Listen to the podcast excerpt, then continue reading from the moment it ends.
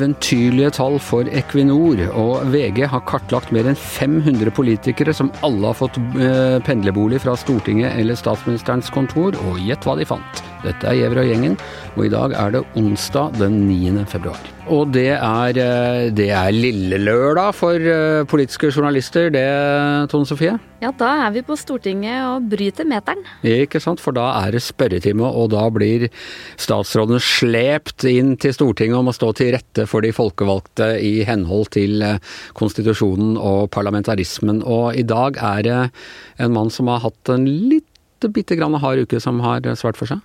Ja, I dag var det altså Vedum eh, sin tur til å stille i spørretimen. Og det er jo, det er jo, det er jo ikke sånn at uh, man er like spent riktig hver dag. Liksom, er det fiskeriministerens tur, så er det liksom ikke sånn at pressen uh, løper inn i salen. Men når Vedum skal til pers, så er det alltid stor interesse. Ja. Og eh, Vedum har jo hatt da særlig dette at han som, eh, i egenskap av å være finansminister har måttet da eh, godkjenne Jonas Gahr Støres gode venn Jens Stoltenberg som sentralbanksjef, også fordi Støre selv er inhabil. Dette krasjer med alle hans store ord om elite og Oslo og i det hele tatt tidligere. Og ble han konfrontert med dette i spørretimen på noen måte? Nei, det var faktisk ikke et tema i det hele tatt, og det er vel noe man sparer til eh, kontrollkomiteen. Eh, det som han derimot ble konfrontert med, var strømkrise og, og annen elendighet. Og, og sånn, Vedum sin form har jo liksom vært liksom det store temaet, for han har jo ikke i opposisjon framstått som en sånn naturlig finansminister, må det vel være lov å si uten å uten å fornærme noen. og liksom, hvordan Vil han liksom gå inn i den rollen? Han har jo også eh, havna i litt sånn hardt vær noen ganger fordi han er ganske omtrentlig og har vært det. Og i dag så var det litt sånn morsomt å høre på han, for han eh, han eh, tydeligvis ikke Det er ikke sånn brent barn skyr ilden. Han virker både veldig sånn eh, sjølsikker, avslappa og veldig på hogget. Hmm. Så han er jo Så han gjør en etter forholdene ganske god figur, altså? Jeg, jeg, tror det er veldig øynene som ser. Jeg ser f.eks. Dagbladets Jeg syns det er de øynene som du nå beskrev med, at han er avslappet og veldig på hogget. Ja, han er jo, det, det, er jo det vittige med han, at han kronisk svarer jo ikke på spørsmål. Eh, når Uansett om det er Høyre eller Frp eller hvem det er som prøver å utfordre ham på noen ting, så begynner han liksom med det Høyre styrte, og dere skal være glad for at ikke det har skjedd, og, og veldig offensiv. Men eh, for meg så minner det litt om, uh, om, en mann vi har snakka mye om i podkasten, Boris Johnson. Ja. Bortsett fra alt det, alt det der eh, fest og usannheter og alt det der, så har han den sjarmen. Han er ikke så ufin som Boris Johnson. Nei, nei da, det, sånn, men da tenker jeg, jeg synes han, han har liksom den sjarmen hans. Ja. Og den måten han liksom klarer å komme unna uansett hvor vanskelige spørsmål eller vanskelige saker det er. Der syns jeg han har en, en egen evne. Og jeg, jeg synes det var liksom en I dag så virka det som han kosa seg litt, faktisk. Men så ser jeg jo at f.eks. politisk redaktør i Dagbladet, Geir Ramnefjell, er liksom ute på Twitter og syns at Jeg husker ikke akkurat hvilke ord han brukte, men at Norge kan ha en finansminister som ikke svarer på spørsmål og sånn. Så det er nok litt sånn eh, øynene som ser om hva slags figur han gjør, da. Hva var det vanskeligste spørsmålet han fikk? da? Det, Han blir jo veldig utfordra fra flere hold, sant, fra Høyre og Frp, som nå har liksom blitt sånn uh, støtte til alle bedriftenes venn. Så er jo selvfølgelig det vanskelig, for jeg tror i opposisjon at Eh, Vedum ville nok vært snar eh, ute med å ønske strømstøtte til alle små og mellomstore bedrifter. Men så liksom, og så kommer plutselig SV og Kaski opp og utfordrer på liksom eh, altfor gode vilkår for det private næringslivet og vil ha smutter, tette alle mulige smutthull på skatt og sånn. Så han blir liksom utfordra på alle kanter. Og, og så litt sånn morsomt eh, En som hadde sin eh, første spørretime i dag, var kunnskapsminister Tonje Brenna. Og det er jo alltid litt spennende med ferske statsråder.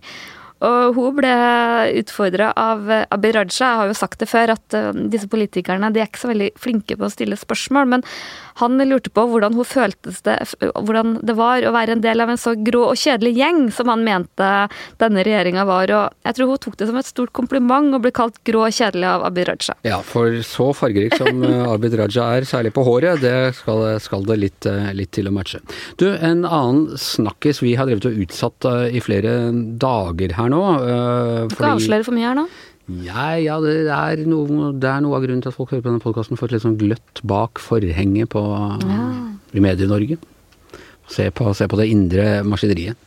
Nei, men eh, en sak som opptok oss begge etter helgen, det var jo dette intervjuet som Egil Svartdal, han TV-pastoren, hadde med eh, Ropstad mm. eh, i helgen om, eh, om hele hans eh, famøse leilighetspendlergreie her rett før valget. Jeg merker jo sjøl at det var lett å bare bortforklare. Jeg har mange forklaringer for hvorfor det ble sånn, det gjorde sånn, men, men det, var, det, er en ganske stor feil jeg egentlig har gjort.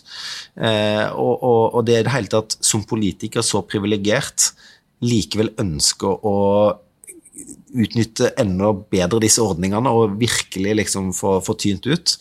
Eh, det, det, det burde jeg ikke gjort.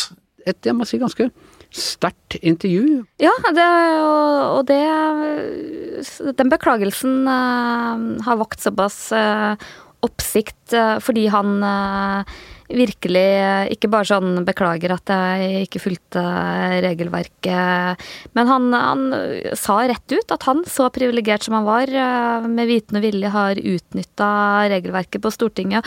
Og, ja, langt på vei innrømmet at det var det han hadde gjort. Ja, ja, ikke bare langt på vei, det var, ja, var vel rett ut det han sa. Jeg tar alltid et lite forbehold i tilfelle. Ja, og eh, framsto veldig som en sånn angrende synder, og, og sa også det i programmet at uh, han syntes også at det var litt fint at det fikk konsekvenser. At han gikk av både som statsråd og, og partileder. og jeg syns det har vært litt sånn interessant å følge Ropstad, for han for første så han, fikk jo ikke akkurat noe enkel start som eh, KrF-leder, det har vi jo snakka om en del. Og jeg opplevde jo også at den saken hans var jo grovere enn mange av de andre pendlersakene, men, men han ble tatt ekstremt hardt, og det tror jeg handler også mye om at han, han, han er nok en litt sånn det mørkemannsstempelet, en politikertype, gutterommet, som appellerte litt, kanskje litt sånn ekstra til at folk Altså kristelig, Når man heter Kristelig Folkeparti, ja. så må man alltid regne med å, å tas litt hardere på ja, sånne moralske spørsmål. Og jeg tror han tas hardere enn f.eks. Knut Arild Hareide ville blitt gjort, som blir liksom regna som en litt sånn Ja, det tror jeg, for han blir liksom regna som Ja, det tror jeg, for litt mer sånn Tror ikke folk syns det hadde vært litt gøy at han er Hareide? Han er jo Helt han har en sikkert. ganske høy moralsk sigarføring, han òg. Ja, men jeg tror nok at for mange så er det nok litt det der eh, den, den litt mer sånn kristenkonservative sida av KrF tror jeg er uh, Men tror du ikke det er sånn at de, de konservative ville tatt Hareide litt hardere, mens de, de liksom uh, radikale eller liberale tar uh, Ropstad litt hardere? Ja, det, det, skal ikke jeg si. Men uh, uansett, mitt poeng var at jeg tror Ropstad ble tatt usedvanlig hardt, da, og mm. fikk Uh, og, og, det som også jeg syns har vært litt sånn ålreit å se, var at han uh, var ganske kjapt tilbake på Stortinget. Er liksom nå aktiv i politikken, og folk kan jo gjøre feil og, og, gjøre opp for seg. Og det betyr jo ikke at du er helt udugelig som politiker og ikke har noe, men han har liksom rett og slett begynt på scratch, og nå liksom står på og jobber og fremmer forslag og skriver merknader. Og, men det som også merka meg, var at Dagbladet har jo skrevet til og med en leder om at nå er det håp for politikerne når man kommer med sånne uforbeholdne unnskyldninger. Ja, når Kristelig Folkeparti, konservative Kristelig Folkeparti-folk blir tilgitt av kulturradikalerne i Dagbladet, da er, eh, er det, da er det håp om, ja. om, eh, et fredeligere samfunn.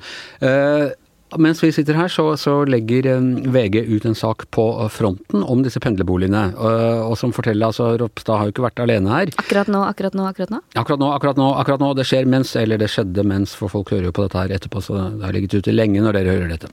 Stortinget og statsministerens kontor har delt ut gratis leiligheter til politikere som de var gjort kjent med at allerede bodde i Oslo.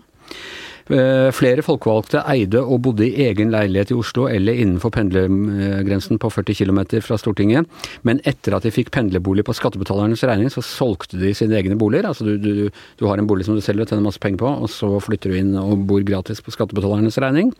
Flere leide egne leiligheter i hovedstaden fra før, men flyttet inn i gratis pendlerbolig da de skulle jobbe på Stortinget eller i regjering. Det er jo helt opplagt at dette her er ikke bare sånn tilfeldig skjønte ikke regelverket helt eh, Alle mulige sånne rare unnskyldninger. Her har folk bevisst gjort disposisjoner for å tjene, spare eller tjene penger. Ja, og det er jo en sånn stor gjennomgang som VG har gjort av eh, mer enn 500 eh, sånn tildelinger av pendlerboliger, og den viser jo et veldig eh, interessant mønster. For det er jo ikke bare det at eh, man åpenbart har har gjort det med overlegg. Men det vi også ser, er jo at mange av de har jo også spilt med helt åpne kort. Har jo fortalt administrasjonen på Stortinget eller regjeringsapparatet at, at de eier eller leier allerede At de allerede bor i Oslo.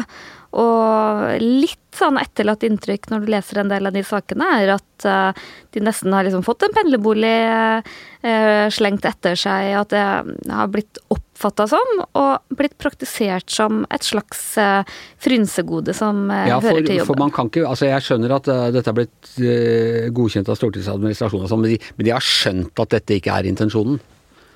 Det er jeg rett og slett eh, litt usikker på. Det er jo, det er jo ganske stor At det er kompensasjon for, liksom, fordi næringslivet tjener så mye bedre enn oss, og da er det rimelig at skattebetalerne Nei, det er jo en stor uh, variasjon, eller uh, av disse sakene. Isad Ropstad-saken er jo liksom i det alvorlige uh, segmentet også fordi han helt åpenbart har drevet skatteplanlegging og og, og sånn, men liksom, det er jo Noen av disse tilfellene er jo sånn type studenter som leier, og så kommer du inn på Stortinget fra hjemstedet ditt, og Så får du en litt bedre, mer representativ eh, bolig, ja. da. Mm. Ja, det, det, er en del sånne, og så har du noen som har uh, eid leiligheter og solgt de, og flytta inn i uh, Så det er jo det er jo mye forskjellige beveggrunner her, og og, men um, det, det, avslører veldig godt at det her har nærmest blitt sånn ansett som et sånn frynsegode som, som uh, kommer til jobben. At det, det, det, det liksom grunnleggende spørsmålet 'pendler du, eller pendler du ikke?' Uh, virker ikke til å ha blitt uh, stilt. Og man har praktisert det mye rausere enn det som må være intensjonen i regelverket. Ja, altså Stortinget har jo bedt om en sånn ekstern gjennomgang av, av disse ordningene, og, og Oslo-politiet etterforsker vel altså noen av sakene, rett og slett? Ja, jeg har vel ikke Det var vel det som var bakgrunnen for at Eva Kristin Hansen eh, eh, trakk seg som stortingspresident, var jo Men om de etterforsker enkeltsaker eller hele komplekset, det har de vel ikke sagt noen ting om. Men, eh, men det er jo også det Stortinget sjøl eh, jobber med, å, å gå gjennom alt. Så, men det viser jo det at uh, her er det både enkeltpersoner som helt åpenbart har tilpassa seg regelverket, eller rett og slett utnytta det. Men uh, det har åpenbart også vært en, ikke bare en aksept for det, men uh, nærmest vært med velsignelse. Og for, for mange av de vi har intervjuet, har jo oppgitt at de bor i Oslo, og nærmest fått anbefalt å få en leilighet isteden. Og eh, noe stor, altså noen egnet til å skape tillit til politikerne. Vi er jo ofte bekymra for det at eh, mm. man undergrever politikerne. Vi er opptatt av at liksom, de skal behandles med en viss respekt og, og politikerforakten og akkurat dette der. Men dette her er ikke noen god sak for dem. Nei, absolutt ikke. Derfor så tror jeg det her virkelig er også i politikerne sin interesse å få, virkelig få rydda opp i, i, det her. For det her er nok en, en ukultur og en praksis som går eh, langt tilbake i tid. Ja, og du, da må vi ta med i den forbindelse at stortingslønna er oppe til, til diskusjon. Det er kanskje ikke det aller beste klimaet for å snakke seg selv opp i lønn, dette her? Nei, virkelig ikke. Og det er vel uh, i morgen det skal behandles, om jeg ikke tar uh, helt feil. Og det er ganske interessant, for det, det, er en sånn diskusjon som deler partiene på Stortinget. Uh, det var jo sånn i fjor så ble jo lønningene på Stortinget fryst. nå går et flertall på Stortinget inn for at de også skal fryses i år. De nærmer seg jo millionen, og for mange er jo det en veldig sånn symboltung sum. Millionlønn, som det het i gamle dager? Ja, millionlønn. Så, så, så der ser vi at f.eks. Senterpartiet Senterpartiet, sammen med Høyre og Venstre og Frp, tror jeg, om jeg ikke husker helt feil, går for eh, at eh, Stortinget skal eh, regulere lønna på vanlig vis, mens Arbeiderpartiet og SV og Rødt og sånn går imot. Mm, så er det mer så. sånn tradisjonell borgerlig sosialistisk skille, da? Det ser litt sånn ut, men jeg syns at den er litt sånn interessant, den debatten. For det har jo vært sånn at de um, justeres hvert år. Det er jo ganske mange som justerer lønna si etter stortingspolitikerne. F.eks. Eh, lokalpolitikere, ordfører og andre. Og, eh, Kjenner ikke de av og til mer enn stortings... Altså jo, men de bruker ofte å ha sånn 90% eller 110% eller bruker Nei. det som en sånn mal, for det er jo en sånn nemnd, eller hvem det nå er som, som uh, bestemmer den lønna. Men jeg, jeg, jeg syns nok at de er på en litt sånn farlig galei hvis de fra hvert eneste år ikke skal regulere den eh, lønna si av frykt for uh, reaksjoner. For det, jeg mener jo politikere fortjener lønn og alt det der, og Så ja, den diskusjonen blir litt rar, som, men den er veldig betent. Men det er jo som man sier at altså, all kompensasjon bør komme mest mulig over lønn, og minst mulig over alle ja. andre frynsegoder. Riktig. Ja, strømprisene går opp, men uh, hvis det er noen trøst, og det er det jo ikke, så uh, har Norge aldri tjent så mye på energi som uh, vi gjør nå, Sindre Heyerdahl. Helt ville tall på, på Equinor i dag? Ja, det er som man må klype seg i armen, Anders. Det er helt vanvittig. og tallene Equinor kom med forrige gang var spektakulære, men dette her er jo hinsides alt. Det er altså tresifret antall milliarder kroner i såkalt justert resultat. Det betyr ja. at de 132 milliarder kroner, så er det anslag her. Stemmer. Det betyr jo at de tjente omtrent halvannen milliard kroner dagen de siste 92 dagene av fjoråret. Ja. Eh, altså det var overskuddet hver dag. Er dette også de høye gassprisene sin skyld, eller hva? Ja, det er en stor del av det. Det er andre ting som går bra også. Men det er særlig da ekstreme gasspriser eh, i Europa, og at Equinor også klarte å snu mange ventiler og produsere enda mye mer gass enn før, til da fantasipriser, som da drar inn dette fantasibeløpet. Men kanskje husker jeg feil, men hadde vi ikke, hadde ikke et voldsomt fall for Equinor først pga. pandemien og pandemiøkonomien? Jo, og olje- og gassbransjen svinger jo veldig det er eh, veldig jojo-kurser ofte. og vi, det, var helt, eh, det var jo en periode der eh, etter at pandemien kom, hvor du nesten måtte betale for å selge olje i USA. Så, så det var helt ekstremt lavt.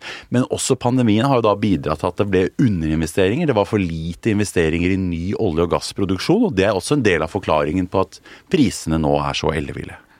Og øh, rent politisk, altså vi, det kom i høst rett før valget, så, så kom det undersøkelser som viste at øh, den globale oppvarmingen er noe mer alvorlig enn vi trodde.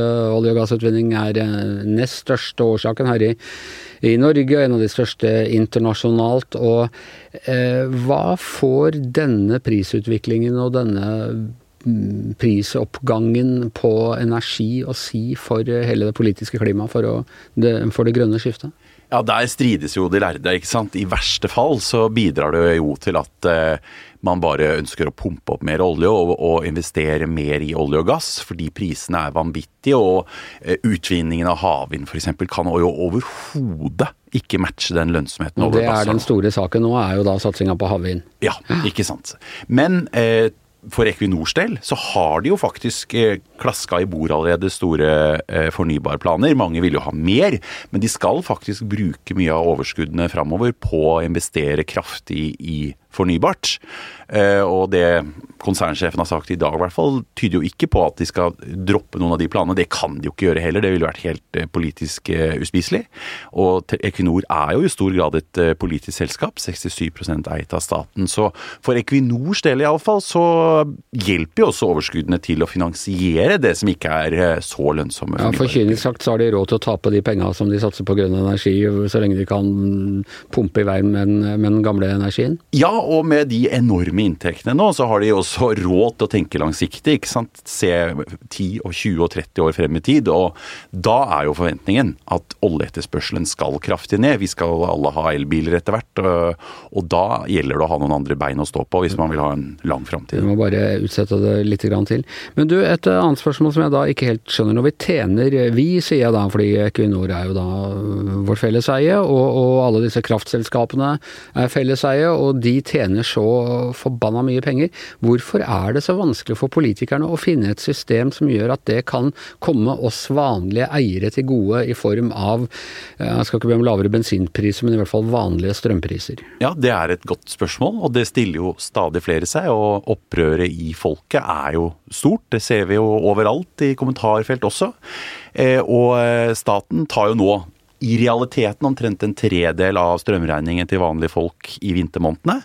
Det er fullt mulig å ta mer av den regninga. Og det, det, de tjener på olje, på gass, på strøm, er jo helt enormt. Og, så det er fullt mulig å kompensere fullt ut i eh, økningene i strømpris. Det har ennå ikke skjedd, men jeg tror at så lenge det ikke er, eh, har skjedd, så vil presset være der. Det vil øke, og jeg forventer at politikerne kommer med mer etter hvert. Ja, og vi, Tone Sofie og jeg satt her forleden og snakket om at ting ville bli litt lettere for regjeringen når det gikk mot, mot varmere tider og strømprisene ville gå ned og sånn, men signalet er jo at de skal fortsette å øke en god stund til? Ja, og det er eh, lite utsikter til at det blir en skikkelig vårflom i fjellet, så vi får ikke så mye hjelp derfra. Det vi får som hjelp er jo selvfølgelig at det blir mildere vær, sånn at eh, hver og en av oss trenger å bruke mindre strøm for å varme opp husene våre. Men det er fortsatt en eh, stund til, og det ser jo ut som neste vinter også blir eh, ordentlig dyr. Ja, og Hvis vi da sitter og hutrer og blir blakke, så kan vi i hvert fall trøste oss med at statskassen den svulmer av penger nå. Den, eh, den, svulmer over. Og det er ikke noe problem for finansminister Vedum nå med inntektssiden. Der vil han ha ingen problemer. Og oljefondet, hva kommer det til å gå inn av? Nei, Det kommer jo til å gå eh, fantastisk bra fremover, det òg. Men det er jo litt avhengig av om eh, børsfallene blir heftige da, for oljefondets del. Men altså inntaket dit. Eh, nye, friske penger fra De får penger til å finansiere alle de feilinvesteringene sine. ja, om du vil, ikke sant. Så det blir ikke noe problem det heller. Det er en eh, helt vanvittig situasjon vi har. Og det ser jo ut som at den norske stat, det offentlige, kommer til å gasse seg bokstavelig talt i, i lang tid fremover. Ok, og med det så er Giæver og gjengen over for denne gang. Her i studio Sindre Heierdal, Tone Sofie Aglen, jeg heter Anders Giæver. Og vår produsent Magne Antonsen, han har bolig i to forskjellige byer, og han betaler regningen selv begge stedene. Takk for i dag. Du har hørt en podkast fra VG. Ansvarlig redaktør, Gard Steiro.